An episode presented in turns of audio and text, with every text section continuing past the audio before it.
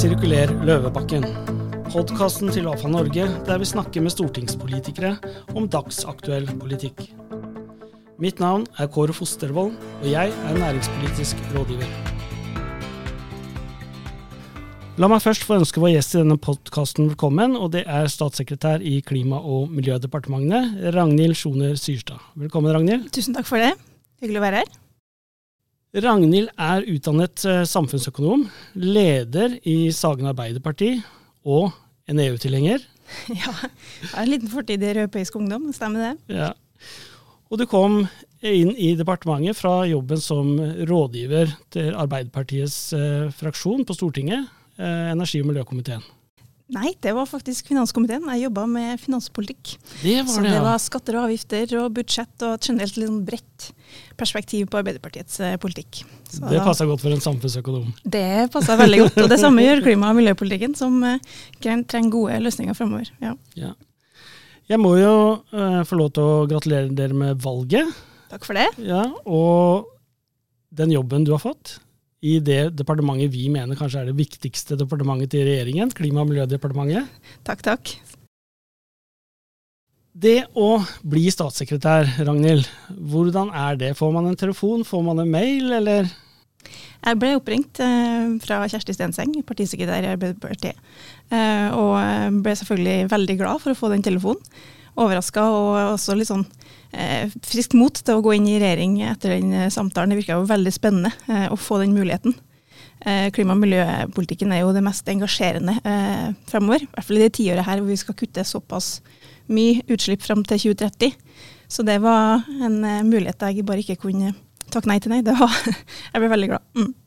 Og, og i sånne telefoner så får man ikke vite så veldig mye, kanskje? Ikke hvem som blir kolleger, eller Nei, det var eh, statssekretær for Espen Barth Eide da, som Ja. klima- og miljøminister.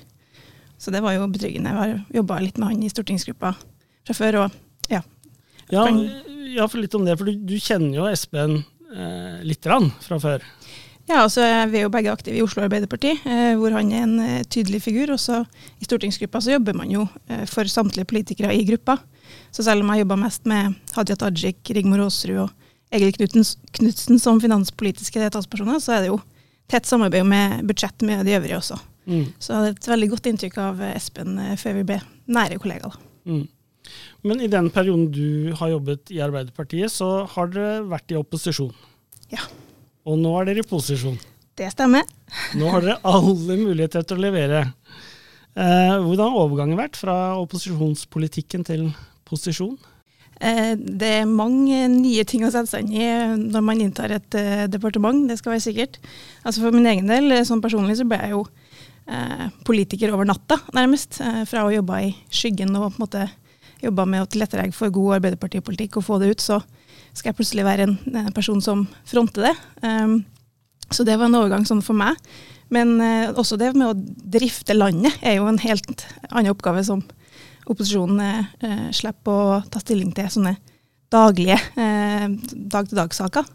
Så vi må jo jobbe aktivt om å få satt vår politikk ut i livet og få satt preg på denne fireårsperioden egentlig fra dag én. Eh, og det fikk vi jo gjort ganske så fort med at det tilleggsnummeret til statsbudsjettet måtte eh, lages på et par dager. Eh, og det var veldig hektisk. Og så eh, til forhandlinger i Stortinget da forholde oss til en ny opposisjon og et nytt storting. Eh, det er jo uansett et skifte ved, ved stortingsvalg. Så, men først og fremst er det veldig gøy da, å endelig få satt politikken vår ut i livet, og ikke bare mene og snakke om det, men faktisk gjøre ting også. Eh, og det er vi godt i gang med. Ja. Og du var inne på det. Eh, tilleggsproposisjonen, altså deres vri da, på statsbudsjettet som ble lagt fram eh, fra høyreregjeringen. Eh, var du mest fornøyd med at dere rakk å få inn der? Det var ganske mm, mange ting, egentlig. Altså, som samfunnsøkonom da, så må jeg jo innrømme at jeg er en eh, tilhenger av at vi sørger for at forurenser betaler og eh, priser utslipp og sender et tydelig signal om hvor vi er på vei hen.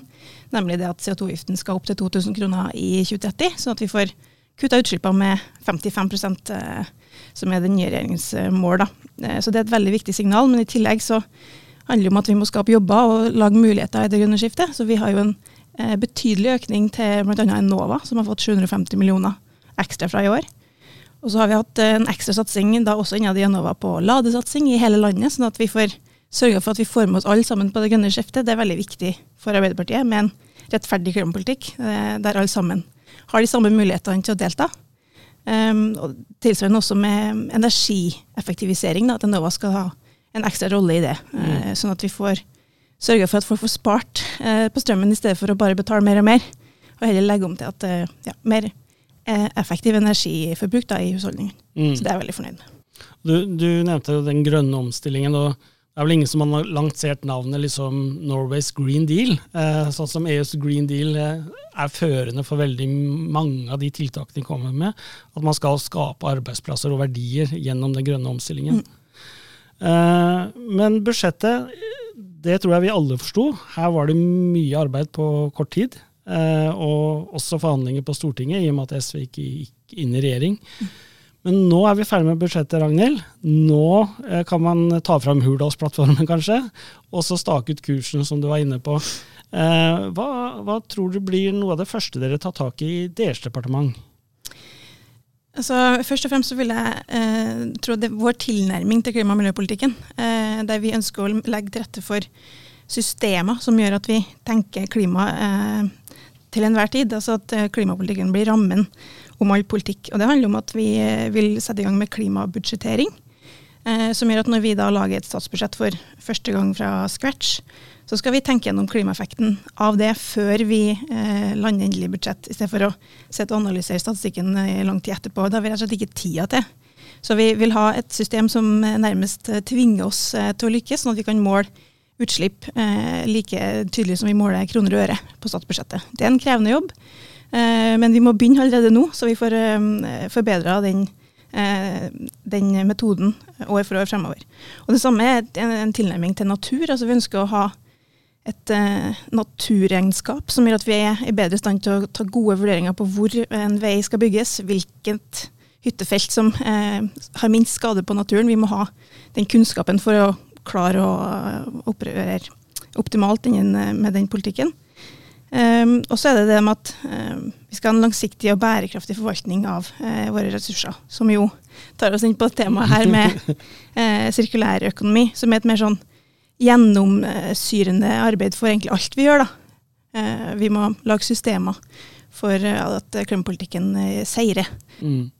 Og du drar jo opp selvfølgelig et tema vi er veldig opptatt av, dette med sirkulærøkonomi. Uh, dere har jo varsla i Hurdalsplattformen at dere vil komme med en, eh, en kraftig og forbedret uh, utgave av uh, en sirkulærøkonomistrategi. Uh, hva, hva, tenker du var det som manglet i den som den forrige regjeringen la fram i fjor? Altså først vil jeg si at Det er et veldig godt utgangspunkt for videre arbeid. Eh, så Det blir nok mer et sånt eh, tillegg eh, til den. fordi Arbeiderpartiet er veldig opptatt, og Senterpartiet, vi er begge opptatt av å skape jobber og grønne, grønn vekst i det grønne skiftet. Så det hvordan vi kan bygge industrier i Norge som sørger for at vi får økt sysselsetting innen også sirkulærøkonomien, blir nok et viktig punkt. Og så handler det om å få fortgang eh, på altså Det er ikke nødvendigvis bare en eh, plan som er målet, vi må gjøre det som står der. Eh, og det kan jo skje fortløpende, altså med reguleringer gjennom hele året, og budsjettsatsinga som kommer 1.10. da, Men vi må jobbe på en måte som at sirkulærøkonomi blir integrert del av politikken, og ikke at vi må først lage en handlingsplan, og så vente med å sette ut ting. Det, det har vi rett og slett ikke tida til. Nei, og eh, dere nevner jo at dere, dere ønsker å måle eh, klima, altså ha et klimabudsjett, et årlig klimabudsjett, eh, kanskje også et eh, naturbudsjett. Eh, kunne man tenkt seg et naturregnskap, ja. ja. naturregnskap, men det blir på en måte det samme, altså effekten av de eh, forslagene man kommer med.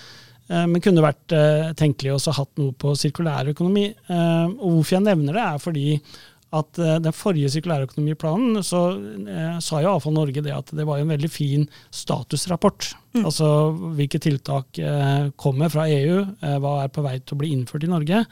Men så manglet det kanskje den lille siste biten som næringslivet er veldig opptatt av. og det er jo hvor skal vi investere? Altså hvilken vei skal vi gå? Og det handler jo om verdiskapning og, og arbeidsplasser. Så tror du at når dere legger fram dette tillegget deres, eller hva det nå blir, at man kan se mer inn i krystallkula på hvilken vei man bør gå? Altså, vi har i hvert fall eh, lyst til å gå inn i hver enkelt sektor, både når det kommer til klimapolitikken, sånn at det blir målsettinger for eh, hver enkelt næring i Norge. Eh, sånn at det betyr tydelig at her skal eh, alle med. Eh, og det samme er jo innen sirkulærøkonomi. Vi går inn i sektor for sektor og sørger for hvordan vi kan legge til rette for mer materialinnvinning og nye riktig bruk av ressurser per sektor. så skal vi selvfølgelig følge EU tett. Men jeg tror nok det, det utkrystalliserer seg et behov for at vi også har et tydelig mål for selve sirkulærøkonomien. Hvis ikke så kan vi ende opp med at den blir litt eh, tilsidesatt. Hvis vi ikke har kontroll på om, eh, hvor mye som faktisk eh, gjenvinnes, og hvilken verdiskaping vi står overfor, og hvilke muligheter vi har eh, for å maksimere det potensialet, selvfølgelig. Men eh, detaljer på handlingsplanen, det, er vi så vidt eh, i gang med. så jeg tror ikke jeg kan utbedre noe mer detaljer per nå. men det er i hvert fall en viktig satsing for oss. Ja, og da har jeg selvfølgelig lyst til å spørre om, om dere har noen fremdriftsplan på den. Kan du, kan du, gi noen signaler om når dere tror den kan eh, bli ferdig? Jeg kan dessverre ikke komme med noen eh, dato her nå, for det handler litt om at vi har et godt faglig grunnlag eh, også. Um, det, vi har selvfølgelig veldig travelt frem til 2025, um, men nå pågår det en hel del utredninger i Miljødirektoratet. De ser jo på eller utreder produsentansvarsordninga, eventuelt nye, som kommer i mars. Eh, og så det, eh, jobber vi med hvordan vi skal eh, sette ut endringer i avfallshåndteringsreglene per nå. Sånn at vi må ta ting i riktig rekkefølge her. En utålmodig bransje, ser du, Ragnhild. Det er bra. Sånn skal det. Den forrige strategien ble jo bare lagt ut og ikke lagt eh, fram for Stortinget. Eh, hva tenker dere om behandling av den handlingsplanen, strategien deres? Ønsker dere involvering fra Stortinget, eller blir dette regjeringens arbeid? Altså en handlingsplan eller strategi i seg sjøl skal jo ikke legges frem for Stortinget, men vi har ikke tatt stilling til formatet på den. Og En mindretallsregjering er jo avhengig av Stortinget for å få flertall for sin politikk uansett. Så den løpende politikken vi har på å gjennomføre eh, tiltak for mer sirkularitet, den vil jo fortløpende bli lagt fram for Stortinget. Så mm. vi er veldig avhengig av et godt samarbeid med, med Stortinget for å få faktisk resultater eh, innen sirkulærøkonomien, som er vi er opptatt av. Ja, for Man kan jo se for seg at eh, man trenger jo krafttak eh, skal man lykkes med eh, sirkulærøkonomien. og det var ikke så langt tilbake at eh, det ble lagt fram en rapport, Circular Gap Report Norway, eh, som fortalte oss at vi kanskje ikke var ledende på sirkulær økonomi. Men vi opplever det som at det er tverrpolitisk enighet om mer sirkulær økonomi, og at vi bør kanskje ta en tydelig rolle i den type økonomi.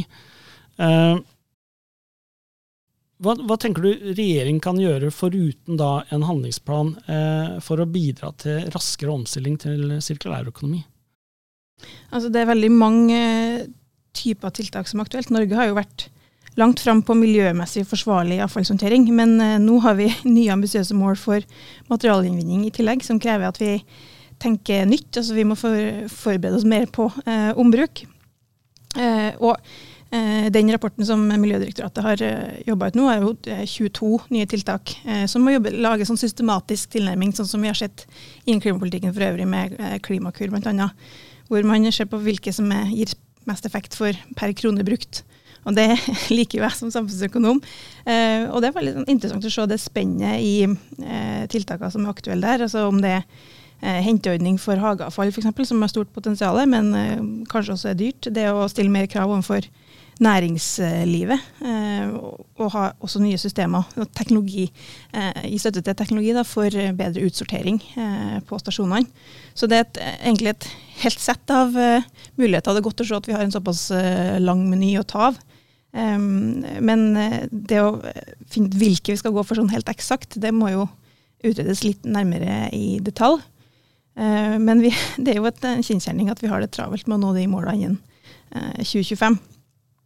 Så um, på trappene nå denne våren her, så er det jo endring i avfallsforskriften um, som kommer til å bidra uh, viktig, tenker jeg. Uh, og sammen da med den gjennomgangen av uh, produsentansvarsordninga. Mm.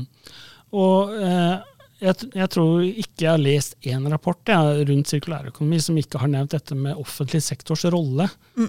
Eh, man har jo innkjøp i offentlig sektor på rundt 600 milliarder kroner i året. Uh, hva tenker du det offentlige kan bidra med uh, i, en sånn omstilling? Altså, foruten at vi har en mulighet til å gjennomføre masse tiltak og reguleringer og krav, så er det jo også selve offentlig sektors bidrag. Vi skal si i Hurdalsplattformen at um, vi skal vekte miljø og natur med, eller klima og miljø med 30% altså en økning eh, der som et minimum. Uh, men i tillegg skal vi ha en gjenbruksstrategi for offentlig virksomhet, sånn at vi i større grad blir bevisst på hvilke materialer og, som brukes på kontormøbler og det som er av offentlige bygg. Da, uh, for de spiller en kjempestor rolle i, som etterspørrer og kan gå foran her. Mm. Uh, og én ting er jo næringslivet, eh, en annen ting er det offentlige. Og så er det oss eh, private. Eh, privathusholdninger har jo et voldsomt overforbruk. om det er tekstiler, vi ser at vi hiver veldig mye spiselig mat, og også annen type avfall. Og det er vel kanskje en av de store utfordringene, hvordan vi skal få privathusholdningene til å se nytten og effekten av sirkulærøkonomi. Eh, har dere gjort noen tanker rundt eh, hvordan man skal kommunisere dette, sånn at det blir fanget opp? Ja, En ting er jo selve trendene eh, som drives fram av forbrukerne sjøl. Og Der er det litt forskjell på unge og voksne, kanskje. Men det, som politiker så er det jo litt for Ja, vi kan ikke gå og vente på det. Det har ikke vi tid til. Så en del av de tiltakene som Miljødirektoratet har pekt på, er jo at man lager ulike system som gjør at du betaler for det du kaster. Sånn at hvis du sorterer mer, så blir det billigere for deg. Og det er jo gode økonomiske mm, insentiv, selvfølgelig. Eh, men vi må passe på sånn at vi får vanlige folk med oss også, så at det ikke bare blir en eh, byrde. Eh, og dermed må vi tenke litt bredere. Det handler kanskje også om å stille krav til levedyktighet til produktene som kjøpes, altså mer sånn økodesign. Og dermed da får mer holdbare produkt. Det kan også være å legge til rette for mer kjøp av brukte varer, gjøre det mer tilgjengelig. Nordmenn er ikke så flinke til det. Jeg prøver nå når jeg eh, skal bli mor i, denne framtida her, og eh, se på alt som selges brukt av babyutstyr. Der tror jeg folk har stort potensial for at det, det selges Det byttes jo veldig hyppig, mm. som et sånt eksempel. Da. Men på matsvinn, f.eks., så um, tror jeg nok vi har en jobb å gjøre med rett og slett porsjonere ut eh, mengden litt. Og der er det jo eh, viktig å følge opp de bransjeavtalene som er satt i gang, mm. eh, før vi eh, kommer med noen nye ting der. For det, det, erfaring er viktig her, mm. sånn at vi får folk med oss eh, på omstillinga. Ja, og jeg tror, jeg tror, dette med kommunikasjon er usedvanlig viktig. Altså, du nevner også at ungdom kanskje har en litt annen tilnærming til det, men samtidig så ser vi da også fast fashion, eh, som retter seg direkte mot unge mennesker igjen. Eh, billige produkter produsert kanskje med dårlig kvalitet. Eh, så, så, man har jo også en motbølge. altså mm. Man har noen som jobber mer med å øke forbruket. Eh, så det kan jo være en utfordring. Men jeg har lyst til å skifte tema litt, eh, Ragnhild. Ja. ja eh, biogass er vi veldig glad i i eh, AFA Norge. Vi ser jo det at, som du nevnte, det kommer jo en ny forskrift nå om utsortering av biologisk avfall. Mm. en av de tingene man kan bruke det til, og, og man kan eh, bruke det over hele landet, det er jo biogassproduksjon. Eh, og skulle vi komme så langt at vi får rimeligere karbonfangstanlegg, som også kan brukes på biogass, så har vi også mulighet til å redusere klimagassutslippene. Eh, det som eh, bransjen sliter med, er kanskje å se hvem som har eierskapet til biogass eh, av departementene. Eh, for er, biogass er jo energi, og så har jo biologisk avfallshåndtering ligger vel i klima og miljø. Eh, hvordan vurderer du det? Altså, er det noe som har det overordnede ansvaret for biogass? Vi jobber jo bredt med det med ulike former for virkemiddel. Eh, sånn at eh, Enova f.eks. gir jo støtte til ny teknologi og produksjon av eh, biogass. Og så eh, vil jo Finansdepartementet også ha eh, en litt, kanskje mer implisitt rolle med CO2-avgiften, som gjør at biogass blir mer lønnsomt, sånn relativt sett. Og så har Landbruksdepartementet tilskudd bl.a. som bidrar til levering av husdyrgjødsel. Sånn at den, vi må tenke helhetlig når det er såpass mange ulike virkemidler som kan være med å fremme en type fornybar ressurs. Så ja, det, det er nok bra at vi er mange, mange om det, tenker jeg. For da får vi mer sånn bærekraftig tilnærming til, til den energien. Ja, for Hvorfor jeg nevner det, er jo at eh, vi har jo gjort noen kalkyler på potensialet for biogass i Norge. og eh, Det er noen som anslår et høyere potensial, men det vi opererer med er jo rundt 10 TWh. Og det er ikke ubetydelig i forhold til den diskusjonen som pågår i disse dager rundt strømpris og annet. Det er jo sånn som vi ser det, den totale energimiksen og energitilgangen som vil påvirke prisene. Uh, og dette er jo, som jeg var inne på, eh, verdiskapning som kan gjøres lokalt. Eh, man bør ikke frakte dette biologiske avfallet langt. Man eh, kan eh, bygge biogassanlegg eh, over hele landet og, og, bidra til nye arbeidsplasser. Eh, vil, vil, regjeringen se på om man gjør noe mer for å fremme biogassens rolle? det kom jo en, en, si en biogasstrategi. Eh, tidligere fra den forrige regjeringen, så var vel også mer en status på, på, hvor man var, men kanskje ikke pekte direkte mot en satsing. Eh, er det noe dere vil eh, vurdere å se på? Altså det er et stort satsingsområde for sittende regjering å få opp en biogassindustri i Norge. Eh, så vi får utnytta det potensialet vi har både innen landbruket og skogbruket. Men det er også viktig at vi tenker ja, to tanker i hodet samtidig. Det må være bærekraftig. Så um, her har vi varsla at uh, vi skal komme tilbake med en uh, plan for uh, hvordan vi kan få opp verdiskapinga i den sektoren. Ja. Eh, takk for det, Ragnhild. Vi må også innom et annet tema, karbonfangst. Eh, vi ser nå det er to prosjekter på gang, Langskip og Heidelberg. Eh, men ikke så veldig mange andre prosjekter som har kommet lenger. og vi går jo veldig fort mot 2030, 2040 og 2050, der vi har eh, klare målsettinger, nasjonale målsettinger. Er du bekymret for, eh, for framdriften på karbonfangstprosjektene? Så I utgangspunktet ikke, fordi at eh, Langskip er jo en av de største industrielle klimaprosjektene vi har hatt i Norge noensinne. og det i seg sjøl, at vi har det, bidrar til veldig mye teknologispredning. Og da er med å demonstrere at CO2-håndtering er trygt og mulig. så får vi mye læring ut av et sånt prosjekt, som har smittet over på de kommende prosjektene etter det, med kostnadsreduksjoner der. Eh, og bidrar sånn sett med nytte til nye prosjekter. Da. Så jeg er ikke eh, så bekymra. Og nå har vi jo eh, fått understreka også med Glasgow at 1,5-graderen eh, Å begrense oppvarminga til 1,5 grader er kjempeviktig, eh, for det blir helt eh, katastrofale effekter dersom vi nærmer oss to.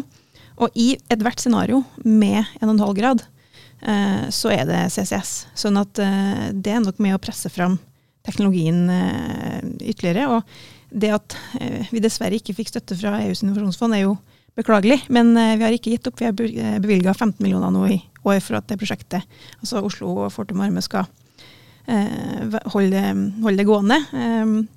Hvis du ser litt sånn stort på det, da, så det at det er en sterk konkurranse i EU, er jo egentlig positivt.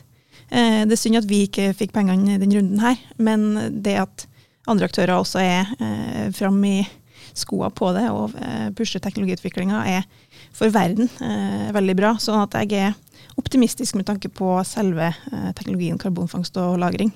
Ja, Uh, og dere er jo ambisiøse. Uh, I Hurdalsplattformen så skriver dere jo at dere ønsker jo karbonfangst på alle de store avfallsforbrenningsanleggene. Uh, og Fortum er jo et av de som, som, er i startgropa, men kanskje ikke fullfinansiert enda. Uh, dere skriver at dere vil legge til rette for. Uh, hva betyr det i en sånn politisk dokument? Det er sånn samlebetegnelse for alt mulig ja. tiltak som vi kan gjøre. så da er det jo uh, f.eks. støtte altså til forskning, utvikling og pilotering. nå har vi i budsjettet for 2022 satt av 10 millioner til Climit, som da skal utrede CO2-fangstanlegg i Trondheim, Bergen, Stavanger, Kristiansand, Tromsø og Fredrikstad, så vi får opp et bedre kunnskapsgrunnlag. Eh, og så er det jo direkte støtte. F.eks. så har Enova gitt eh, 17 millioner kroner til et CO2-fangstanlegg, eller prosjekt, da, i Østfold. Eh, og så tilbake til samfunnsøkonomens eh, baby, eh, CO2-avgift, som eh, bidrar til at altså når det da er fritak fordi du, du forurenser ikke hvis du fanger CO2-en. Eh, som gjør det da mer lønnsomt å ha et anlegg. sånn at eh, over tid så skaper vi da på en måte grunnlaget for at eh, vi kan lykkes med eh, karbonfangst og -lagring. Mm. Eh, men avgiften på avfallsforbrenning som ble innført nå fra 1.1, eh, har jo vært litt omstridt eh, i bransjen. Og statsråden, Espen Barth Eide, har jo også eh, uttalt seg om at han ikke tror denne avgiften vil ha noe effekt på å redusere avfall som går til forbrenning. Uh, og han, han, gjerne vil se på et annet alternativ. Uh, hvilket alternativ kan det være, tenker du? Altså, når det kommer til den effekten med å redusere avfallet, så stemmer nok eh, det. Eh, men samtidig så har vi et gjennomgående prinsipp i norsk klimapolitikk, og det at forurenser skal betale. Sånn at eh, det at det blir dyrere å forurense, endrer dynamikken litt, med at eh, det skaper insentiv til at flere også da eh, kanskje anleggene sorterer ut mer, sånn at selve CO2-utslippene fra forbrenninga reduseres. Men det er så absolutt ikke tilstrekkelig med tanke på at vi skal gjenvinne såpass mye materialer at vi bare har en avgift på forbrenninga. Det er på en måte to ulike formål. sånn at vi må også tenke hvordan vi kan få ned eh, avfallsvolumet. Eh, og det er jo liksom vært inne på med eh, de tiltakene overfor husholdning og næringsliv eh, osv. Men eh, vi har jo sagt at vi skal vurdere en avgift tidligere i verdikjeden, men det er ikke dermed sagt at eh, det er et rent alternativ. Her kan eh, flere gode tiltak supplere hverandre. da. Eh, ja, og du, du, var inne på det, og jeg tror vi må innom det igjen. Eh, du har jo nevnt denne utsorteringskravet som eh, Miljødirektoratet sitter med nå. De har jo kommet med sitt innspill til departementet i disse tider. I den utredningen så går det jo også fram at man vil bruke nesten en milliard kroner i året på informasjonskampanjer og tilrettelegge for at man skal nå disse materialgjenvinningsmålene. da. Uh, og der, jo, der, har jo bransjen spilt inn uh, et forslag om, uh, om et samarbeid. vi har jo medlemmer fra hele Norge som sitter og jobber med informasjonskampanjer lokalt og, og skal få flest mulig til å bruke rette dunken hele veien. vil dere se til bransjen for et samarbeid når det gjelder holdningskampanjer og, og, kommunikasjon på dette området? Det er jo kjempeviktig å informere godt for at du må få Eh, når vi har lagt opp til så mye eh, ansvar på den som kaster søpla. Eh, så det er vi så absolutt positive til. Supert. Jeg må innom et siste punkt i Hurdalsplattformen før vi gir oss. og Det er at man skriver der at man ønsker å behandle avfallet lokalt eller regionalt. Dette er jo kanskje viktig i forhold til regjeringens politikk om å skape verdier lokalt og arbeidsplasser, nye arbeidsplasser. Eh, men hvordan tenker dere å gå frem om å få til det? Vi vet jo veldig ofte at det er store eh, problemer med nye arealer, å få lov å bygge ut. Det er noen naboklager, og det går til fylkesmann, og det, ting tar tid. Og med det tempoet man har lagt opp til der man ønsker å behandle mer avfall i Norge, Eh, så er det ikke mer enn tida av veien til å få regulert og begynt å bygge. Eh, er det noe regjeringen kan bidra med der? Altså, eh, først og fremst er det jo viktig at ethvert prosjekt oppfyller miljøkravene som er gjeldende til enhver tid. og også for å få til god framdrift, så handler det om godt politisk håndverk da, med tidlig dialog og involvering av berørte parter. Og ha åpenhet og kommunikasjon. Men det å håndtere avfall lokalt handler ikke nødvendigvis om å delegere ansvaret til lokalt nivå, eh, men å ha overordna rammebetingelser som gjør det attraktivt å etablere seg eh, rundt omkring. Så um, det er noe vi følger opp. Ja. Og med det, både tipset, tror jeg, og, og rådet fra, fra, statssekretæren i Klima- og miljødepartementet, Ragnhild Sjone Syrstad, eh, så ønsker jeg å takke for deltakelsen. Eh, mye nyttig informasjon for oss i bransjen. Tusen takk for at jeg fikk komme.